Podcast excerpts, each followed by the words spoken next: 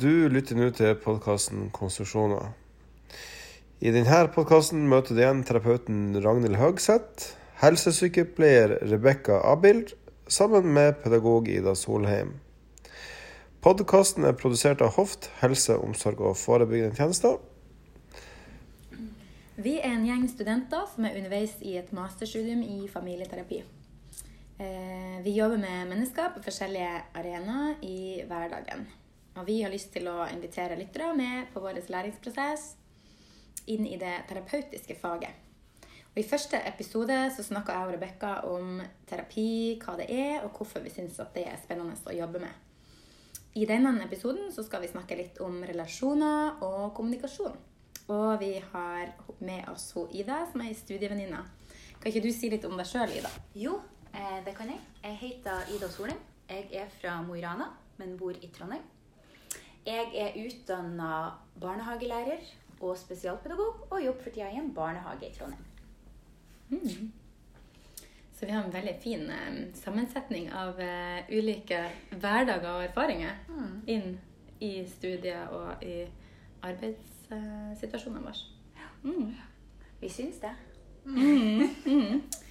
Meget kompetente folk, altså. Skal bli. Skal bli. Vi er underveis. Ja. Ja, vi er underveis. Mm. Eh, og i dag så skal vi jo drodle litt rundt hva kommunikasjon egentlig er for noe. Eh, og jeg tenker jo at kommunikasjon og relasjon det henger jo veldig nært sammen. Mm. Eh, siden alt vi Alltid når vi kommuniserer, så er det jo avhengig av at vi kommuniserer med noen. ja. Og i alle relasjoner foregår jo kommunikasjon. Mm. Om det er uttalt eller nonverbal eller Mm. hvordan det er, så kan det jo ikke være i en relasjon uten å kommunisere. Nei. Om et eller annet. Mm. Viktig, viktig poeng, fordi at kommunikasjon er jo Kanskje for mange så vil det være det vi eh, sier veldig konkret. At hvis man har kommunisert noe. Ja. Men samtidig så kan man kommunisere ganske sterkt uten ord også. Med altså, ja, kroppsspråk, blikk. Du har jo konsert, hvis blikk kunne drepe. Ja, Det er sant. ikke Det sier utrolig mye med blikk, med Ja. kroppsspråk. Mm. Og den, den som tier, samtykker. Altså, Ja. hva, hva ligger i det? ikke sant? Mm. Ja. At da tolker du egentlig hva det betyr når ikke ordene er der. Eller. Ja. Mm. ja, det er jo et kjempesterkt virkemiddel. Mm. Og det å ikke eh, si noe Ja. i Mm. kommunikasjon. Det er veldig eh, interessant, for at eh, jeg snakka med ei dame som eh, hadde, hadde et turbulent forhold med en fyr. Eh, og så hadde hun oppdaga den makta det var i å ikke svare tilbake. Eh, og hvor hun da Ja, hun brukte det som eh, sin måte å kommunisere på. Men hun også presiserte jo sjøl at hun kjente liksom at hun ble veldig løfta opp av at hun eh, ikke svarte tilbake på alle altså de her utsagnene i krangelen. Ja, Og at det gjorde at hun følte at hun gikk vinnende ut av nettopp. Så Eh, sjøl om at han kanskje sa ting som gjorde at han tenkte at han satt med makta, eller fikk en sånn overtak i Mm. eh, den krangelen eller kommunikasjonen, så syns hun òg at hun fikk det gjennom å ikke respondere Ja. verbalt Mm. på det. Ja. Ja. Og det er jo kanskje, kanskje er det noe i de der eh, i konflikt eller krangel, eller du får høre noen ting. Den kommentaren med at det må du heve deg over. Bare hev deg over det. Eller kanskje det er en form for um... Oi. Oi, nå skjer det noe på utsida. Vi sitter nemlig eh, Oi! Foodora-streikere. Ja, det er det. Og det er jo òg et ganske det, Ganske tydelig kommunikasjon. Ja. Var høyt som bestilt. Ja, ja, ja. For vi glemte jo å si at vi sitter jo midt i uh, smørøyet her i Oslo. Ja, det er spennende. Ah. Og hva er det de kommuniserer?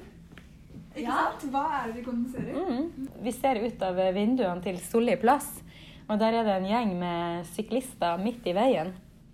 Og litt tuting og Ja, spennende. Mm. Veldig. Snakk om virkemiddel. Virkemiddel, ja. Mm. Heve seg over det, eller eh, rope det ut, eller Ja. eh, Ja. demonstrere. Mm. Og det kan man jo gjøre ganske Altså i mindre skala i hjemmet. Altså Ja. F.eks. å demonstrere noe. Og gjøre handlinger som eh, skal statuere et budskap. da. Ja. Og ofte tenker jeg at det kan være like effektfullt med den stille protesten som den høylytte. Mm. Eh, protesten òg ut ifra hva det er som protesteres Mm. mot eller for eller Ja, altså de gangene man setter noe veldig hardt på bordet, eller lukker den oppvaskmaskinen Ja. veldig Mm. hardt igjen. Å ja. Ja. Så ja, der. Smell litt med bildøra på vei ut. Ja. Mm. Og det er jo veldig sånn, typisk i, for, for ungdom i hus, da.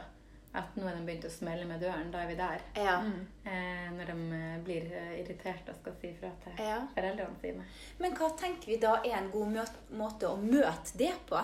Mm. Hvis vi tenker da f.eks. til utgangspunkt i ungdommer som smeller med døren, som tydeligvis da kommer med en sterk kommunikasjon Mm. eh, ut. Det er noe de, de sender ut noen signaler og noe. Hva, hva tenker vi er en måte å møte dem på i det? Jeg tenker jo, eh, i hvert fall for min egen del, så har jeg lært meg mer og mer å la den døra få Altså at det er ikke noe Jeg tar ikke noe ille på vei Nei. av ei dør som smeller.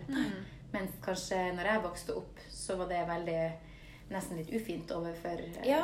foreldrene om man smelte med døren. Ja. Mm. Eh, mens jeg har en, en sønn som er på tur inn i ungdomsårene eh, hvert øyeblikk. Og, og jeg tenker at ok, nå har han behov for å være alene. Mm. Eh, det er et signal om det, og da tar jeg det. Men, men hvis jeg skulle gått inn i det hvis det ikke var sønnen min, og jeg skulle gjort det på en veldig sånn eh, skolert måte, da, så ville jeg kanskje sagt at ok, fins det noen andre uttrykk? Kan du kommunisere det med å si at mamma, nå trenger jeg å trekke meg litt tilbake. Mm. Eh, jeg vil ikke snakke med deg. Og så gå på en rolig måte. Mm. Eh, men personlig så har jeg, tenker jeg at der er det jo rom for hva man har Ja. eh, skapt av når normer og regler i sitt eget hjem. da. Og det vil jo variere. Ja. Eh, Og så tenker jeg det er ikke nødvendigvis at han vet, eller dette mennesket som eh, som slenger denne døra her igjen, vet hva den kommuniserer. Mm. Man har ikke det språket og vet ikke helt hva man egentlig ønsker å si. Nemlig. Ikke sant? Det som- det er noe med å gi dem Det, her er bare, det er mye sinne, det er mye Ja. følelser. Ja. Og noen ganger så holder det bare å stå i den følelsen med barnet Mm. og si at 'jeg er her, jeg står her med åpne armer', og du kan få lov å stå i den sinnen. Og så finner vi et språk til det. Ja. Men akkurat nå skal du få lov å stå i det. Ja. Mm. Det å, ja. Ja. Being with, da. Det er liksom sånn typisk en trygghetssirkelen. At Ja. Man står i den følelsen med barnet. Ja. Om Mm. det er sinne eller glede eller Mm. Omfavn følelsen. Ja. Mm. For jeg tenker jo som ei som slemrer veldig mye med dører eh, sjøl. Ja. Både fra jeg var Det visste vi ikke i dag. hadde aldri trodd på det. Å nei, jeg gikk ikke stille i døren, nei. Eh, Det var, og jeg begynte nok ganske tidlig. Eh, Og jeg var nok ikke noe mer, kanskje 7-8 når jeg begynte å, å slemme med døren. Og det var utrolig tilfredsstillende bare å få slemmer med den døra. Mm. At det bare det smeller. Som jeg visste at nå rister i hele huset. Eh, og, det, ja. og da var det, når jeg da kom inn på rommet, så var det liksom den befriende følelsen at nå kan de sitte og tenke litt over Ja. det her smellet som jeg har eh, kommunisert. Ja, Ja. Uten at jeg sikkert tenkte så veldig bevisst på det akkurat der og da. Men jeg kjente at det var tilfredsstillende å få bare moka igjen der eh, Mm. døra og sendt drammel gjennom huset. Eh. Så, eh, det tenk, og da tenker jeg jo òg Jeg kan ikke huske at foreldrene mine noen gang kom etter meg eller sa noe eh, på det, men det var nok òg eh, Akkurat da så tenkte de vel at det ikke var så trivelig å være sammen med meg. Når det der var på uttrykket mitt. Så nå bare la vi jo slappe litt av, og det var nok. Men, men det handler jo kanskje òg om at de kjente meg såpass godt. Mm. Og jeg tenker at det er jo også noe som er sentralt i kommunikasjon. Og hva er det vi tar tak i når vi kommuniserer med andre? Eller hvordan er det vi tolker Mm. det som blir sagt eller ikke sagt? Mm. Handler jo om relasjonen vår. Hvor godt er det vi kjenner hverandre? Ja. Fordi at jeg tenker at jeg kan jo eh, Tenk f.eks. mammaen min, da. Som jeg kan si kan, altså Det er ingen som jeg er så sint på som mammaen min. Mm. Det er heller ingen jeg er så glad i. Mm. For jeg vet at hun er der bestandig, og det er noe trygt Mm. i å være sint på henne. Mens at de andre som jeg er sint på, er ikke like sint på samboeren min, for der er det noe utrygt i å være så sint Mm. som jeg kan være på mamma. Og jeg tenker at det, det ligger til relasjonen vår. Mm. Selv om at relasjonen til samboeren min er også en veldig sånn trygg og stødig. Mm. Men det er ikke det samme eh, grunnlaget i det. Han har heller ikke kjent meg siden jeg var født.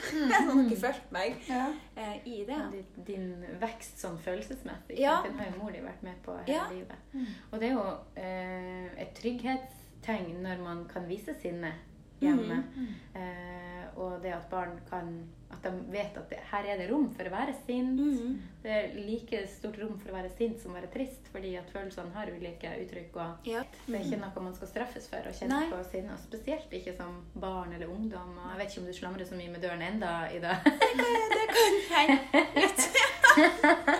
Får bare få kjenne litt på følelsen igjen, og hvordan, hvor befriende Ja, ja. det. Men det er nok mest hjemme igjen. Ja. vi, ja, for vi ser det med han minste vår. Alle sier at ja, han er jo så omgjengelig og alltid blid og alltid Ja. Og i barnehagen sier det aldri noe problem. Det er aldri noe problem med han. Så kommer han hjem, og så er han grinete, han er sint, han er frustrert. Og vi ser jo en helt annen gutt enn det de beskriver. Mm. Så jeg tenker, akkurat nå har han nok et behov for å kunne få ut alle disse følelsene. Og hjemme er det trygt å gjøre det. Ja. Og idet noen andre kommer inn døra, og han eh, forstår at her er det plutselig ikke like trygt som det var, Nei. så tar han seg sammen, og så er han den derre blide, eh, fornøyde gutten som Ja. er utad. da. Ja, for jeg tenker, altså det som du sier der òg, det er jo eh, så viktig det her med at det ligger utrolig med tillit i at folk uttrykker så masse følelser overfor deg. Eller det kan gjøre det. Mm. Eh, hvis at det er mange forskjellige eh, følelser. Mm. I hvert fall sånn som du sier, her er det trygt. Mm. Hjemme så kan jeg. Her er plass til hele meg. Ja. Her får jeg lov å være mm. Ja. meg sjøl med alle mine følelser. Mm.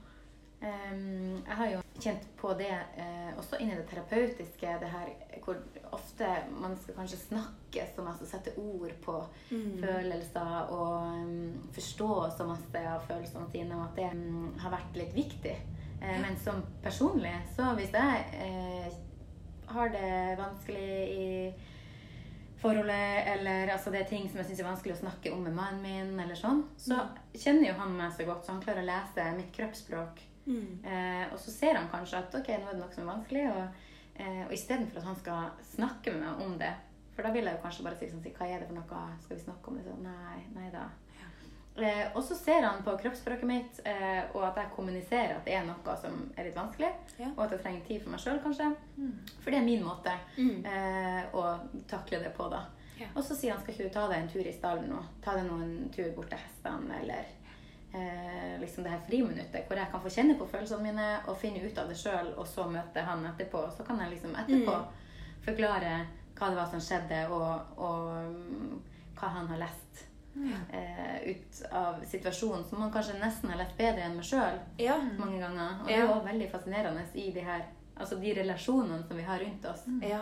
Eh, Ja, og det som er interessant også, er at i disse relasjonene så vil vi alltid være i bevegelse. Mm. Sant? Vi vil forandre oss, og det vi kanskje trodde vi eh, visste om hverandre, eller eh, Når jeg ser mannen min, så tenker jeg ja, ja, nå er du sint, eller nå er du frustrert. Det forstår Ja. jeg. Men plutselig så kan det skje endringer som gjør at nei, nå klarer jeg ikke å lese deg lenger. mm, Nå er ikke den kommunikasjonen der som den gang var. da. Mm. Fordi det skjer endringer, og vi forandrer oss, og vi er på vei ikke sant? og utvikler oss. Jeg tenker Det også er, kan, altså det kan oppstå konflikter og utfordringer i relasjoner Ja. idet vi har beveget oss en plass, Ja. og den kommunikasjonen ikke er så god som den en gang var. da. Ja. Den relasjonen har beveget seg eh, også Altså at relasjonen ikke er fulgt med med på samme veien som følelsesregisteret og Ja. den veien som man Ja, at man kanskje går litt ulikt. Og da er det jo nødvendig å kanskje snakke om det. Eh, helt sånn verbalt sett. Hva er det som skjer nå? Nå må vi ta en liten eh, ventil her og luft lufte utenom tanker Ja. og følelser. Og, og, og nå har du endra uttrykk, eller Ja. ja. Mm, nå forstår jeg deg ikke lenger. Hva er det du egentlig prøver å Ja. si? For jeg tenker at, og at det ligger jo i kommunikasjon Når jeg kommuniserer med noen, så ligger det jo òg mye i altså, mottakeren sin villighet Mm. til å ta imot det du kommuniserer, eller til å lese det. Og i enkelte perioder når at eh, ting er vanskeligere, f.eks. i parforhold, da, eh, der at det er større konflikter, så er vi jo kanskje heller ikke like villige til å tolke kommunikasjonen i den måten som vi ville ha vært. Ellers, altså f.eks. med mannen din, Ragnhild, når han ser det når det er du som plages. Men hvis det hadde vært han som var utgangspunktet eh, for at du var litt irritert, eller noe sånt, så kanskje han ser det, men ønsker på en måte ikke å se det i like stor grad. Mm. Skjønner Var det Ja. Mm. Veldig logisk. hørtes logisk ut? Veldig bra, Dana. Men jeg tenker Det er liksom noe med å innse det at det er jo ikke alltid at kommunikasjonen er så tydelig. Nei. Og det er viktig at vi Hva Ja. gjør vi da? Ja. Ikke denne kommunikasjonen er sånn som den pleide å være? Eller man bare ikke forstår seg på hverandre? Og hvor stort rom skal man ha? Tenker, Tydelighet er jo veldig veldig bra. Jeg har en venninne som sier at du kan aldri bli for tydelig, Ragnhild. Og jeg har tenkt at man ikke kan være rund i kantene hvis man er veldig tydelig. Ja. Og, men det har jeg jo etter hvert sett at sånn er det jo ikke. For kommunikasjon handler jo eh, om et budskap som du skal eh, dele med Ja. noen som har altså, en mottaker. Og du, Ja. du vet jo aldri hvordan mottakeren tar imot Nei. Det budskapet, for den er sitt menneske med sine måter å tolke på. Eh, Så jeg er etter hvert blitt veldig enig med henne i at du kan ikke bli for tydelig i kommunikasjonen. Eh, fordi at da bare renser du budskapet Ja. for hva er det jeg vil si, og hva ønsker jeg at du skal forstå Mm. med det jeg sier eh, til deg nå.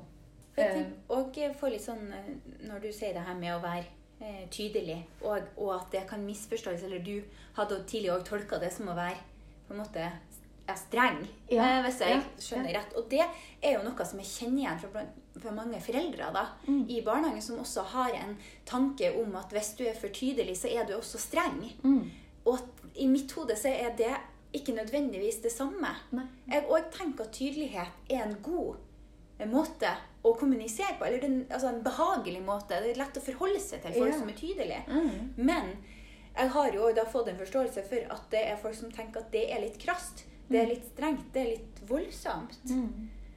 Eh, Det kan jo misforstås med at tydelighet handler om å være rigid, men det er det ikke. Ja. Du kan jo være tydelig, si at det her er det jeg mener, Ja. eh, og ønsker å kommunisere. Mm. Det betyr heller ikke at det ikke er rom for en dialog eh, som går frem og tilbake. Og at jeg kan modifisere det jeg egentlig tenkte Mm. at det her er det jeg vil kommunisere. Ja. Fordi at vi samskaper. All kommunikasjon er jo samskaping av forståelse, på en måte. ja. For det handler jo kanskje om de ordene du benytter deg av. Mm. eh, i den tydeligheten og i den kommunikasjonen òg, da. Mm. Hvordan ord er det vi velger å bruke? Ja. Og tonefall, eh, kroppsspråket. Mm. I tillegg at det er jo en hel pakke Mm. eh, som du kommer med. Ja. Og der kan du jo Vi kan jo helt sikkert komme på gode eksempler på måter å si ting på. Eh, hvordan budskapet kan oppfattes helt, helt ulikt ut ifra måten du sier det på. Eksempelvis eh, hvis jeg skal komme på noe i, i farta.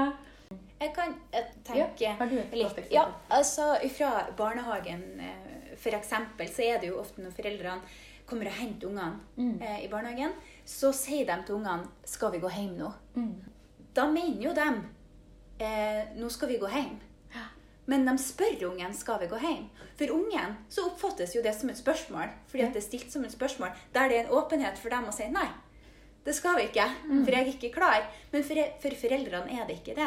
Og det er sånne situasjoner eh, som ofte oppstår, der jeg tenker at eh, foreldrene heller kan si 'nå skal vi gå hjem'. Mm. Eh, og så er det tydelig, behagelig og like raust måte å snakke med ungene Ja. eh, på. Eller at 'nå vil jeg at vi skal fære'. Mm. Og det tenker jeg er eh, nok ikke de foreldrene klar over. Mm. Hvordan det oppfattes av ungene deres. Og det er jo en trygghet i, for barnet i den situasjonen å vite at hva er det som skal skje nå? Mm. Nå skal vi dra hjem. Enn å gi barnet et valg som egentlig ikke er reelt, som Ja. setter barnet i en slags sånn tenkeboble. Ja. Å ja, vil jeg? Hva vil jeg? Mm. Eh, og så skaper det en usikkerhet. Ja. Fordi at barnet må plutselig forholde seg til en problemstilling istedenfor en beskjed. Ja. Eh, som i utgangspunktet alltid har vært en beskjed, bare at den ble formulert på en annen måte. Ja. Mm. Forkledd som eh, at dette er noe vi kan diskutere. ja. Men det er ikke det. Og Og, og, foreldrene blir jo like forvirra etterpå. Ja. For de forstår jo ikke hvordan skal de da ta det videre når ungen har sagt nei. Mm. For da må de jo gjøre det på en annen måte. Ja, ja. Da kan jo ikke spørre på nytt. Nei. Da må de jo faktisk gi den beskjeden eller ta litt ansvar. Mm. Si at jo, men det skal vi. Men da havner du plutselig lettere i en eventuell konflikt Ja. enn uh, Mm. Så det å kommunisere tydelig, hvis vi kan uh, eh, oppsummere det i en slags sånn læresetning, så Mm. er jo tydelig kommunikasjon skaper trygghet. mm. Eh, og mindre rom for konflikter, rett og slett. Så det er veldig ryddig å eh, heller kommunisere med det som faktisk skal skje, enn å forsøke å pakke inn språket Ja. med å skulle være diplomatisk eller demokratisk. når egentlig det er en foreldre-barn-situasjon hvor foreldrene vet at stenger, barnehagen stenger om to minutter. Ja. Nå må vi faktisk gå. ja. Mm. Og da og, og, og eh, i altså, kommunikasjoner mellom voksne så er jo òg tydelighet Det er jo en trygghet i det. Men det handler kanskje òg i, altså, i, i likhet da, med hvordan ord er det vi, eh, vi tar i bruk, og hvordan er det vi kommuniserer det. Mm. På jobben min så jobber jeg jo annet også litt med elever. Og jeg kjenner jo at jeg må øve meg mange ganger på eh, å ikke si, bruke så mye sånne mellomord som skaper de her rommene til usikkerhet i forhold til det at når vi kommuniserer, så skaper vi noen trygge rammer med språket vi bruker, og i relasjon at her er det, her er det en plan for hva vi skal gjøre. Det her er rammen for samspillet som vi har nå. Nå skal vi spise lunsj om en halvtime. Eh, og jeg kjenner ofte at jeg liksom tar meg i å si at kanskje vi skal gå og spise nå. Ja. Eh, når jeg mener at nå skal vi gå og spise. Ja. Eh, og så må jeg ta meg sjøl i å si at nei, men, nei, men vi, vi, vi må gå og spise nå, for nå er klokka faktisk eh, tolv, og vi har ikke Ja. anledning til å gjøre noe annet. Eller, Ja. mm. Så det er jo en treningssak Det er jo absolutt det. Og jeg tenker at det å bli litt bevisst på, eller mer bevisst på hva er det jeg sier, hvordan er det jeg formulerer. Og selv om at, eh, akkurat sånn som du gjør det, selv om du har stilt et spørsmål først, så er det jo ikke noe i veien for at du da kan omformulere deg Mm. og si noe annet etterpå. Ja. Eller neste gang. Ja. Eller eh, øv deg, da. Så den tiende gangen, da sitter jeg. Ja. Mm. Og det er litt sånn som vi har snakka om i, um, på de her studiesamlingene også, at det vi øver oss på mange ganger, er jo bare å skape en bevissthet omkring hvordan vi kommuniserer, hvordan vi fremstår uh, i de relasjonene vi står i, og at det, alle relasjonene formes av hvordan vi fremstår i de ulike eh, samspillene eh, med andre.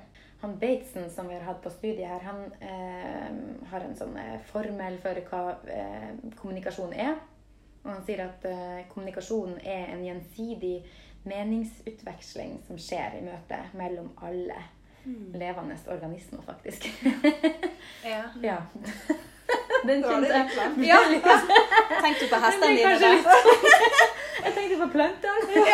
For Rebekka hun er jo eh, Hun kommuniserer helt sikkert med plantene sine og ja. gir eh, omsorg og kjærlighet Ja, ja, og skaper en stemning, selv om det, det handler om en helt annen kommunikasjon enn verbal kommunikasjon. Mm. Men det er jo også altså, på det, det planet vi, vi da er på, så er det jo um, det å kommunisere hva, hvordan holdning har du om du viser omsorg og ivaretakelse og Mm. eh, ønsker å skape noe godt.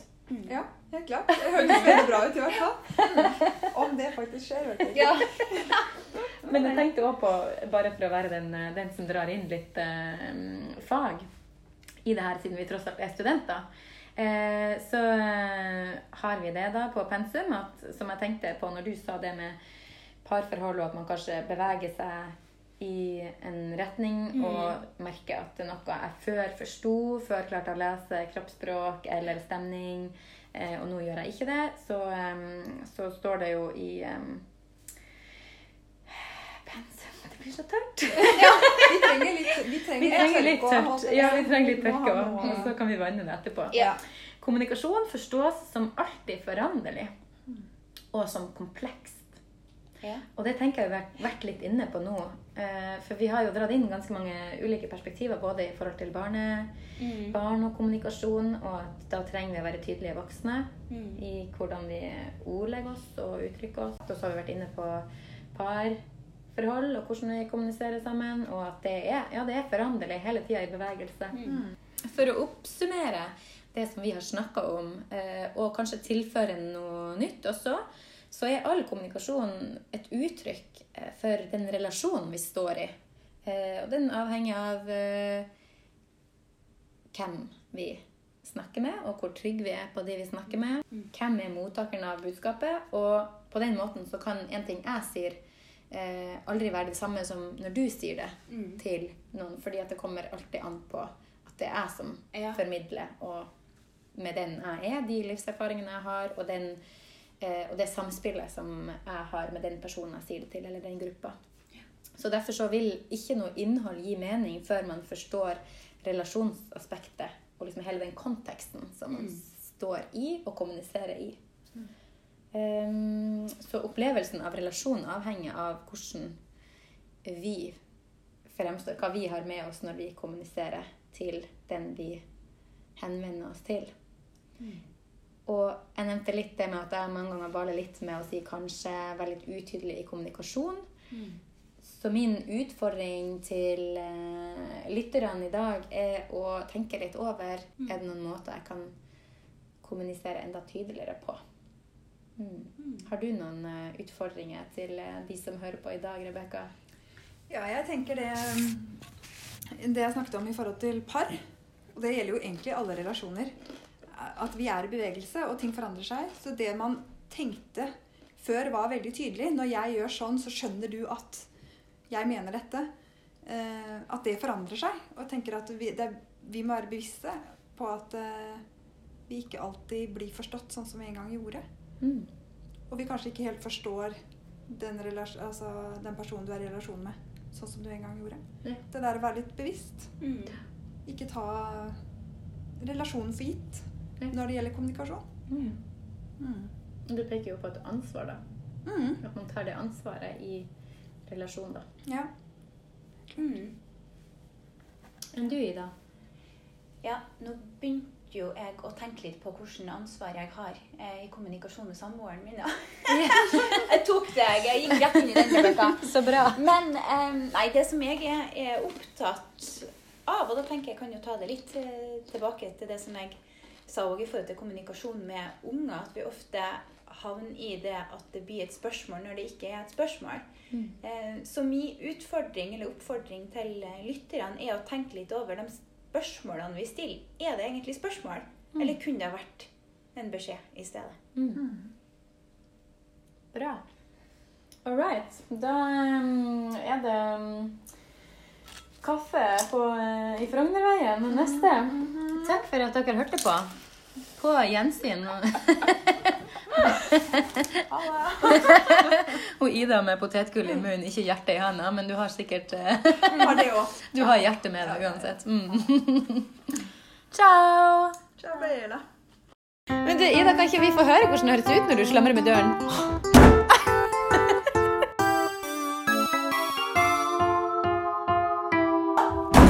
Hvordan høres det ut egentlig når du slamrer med den? Du er litt sint.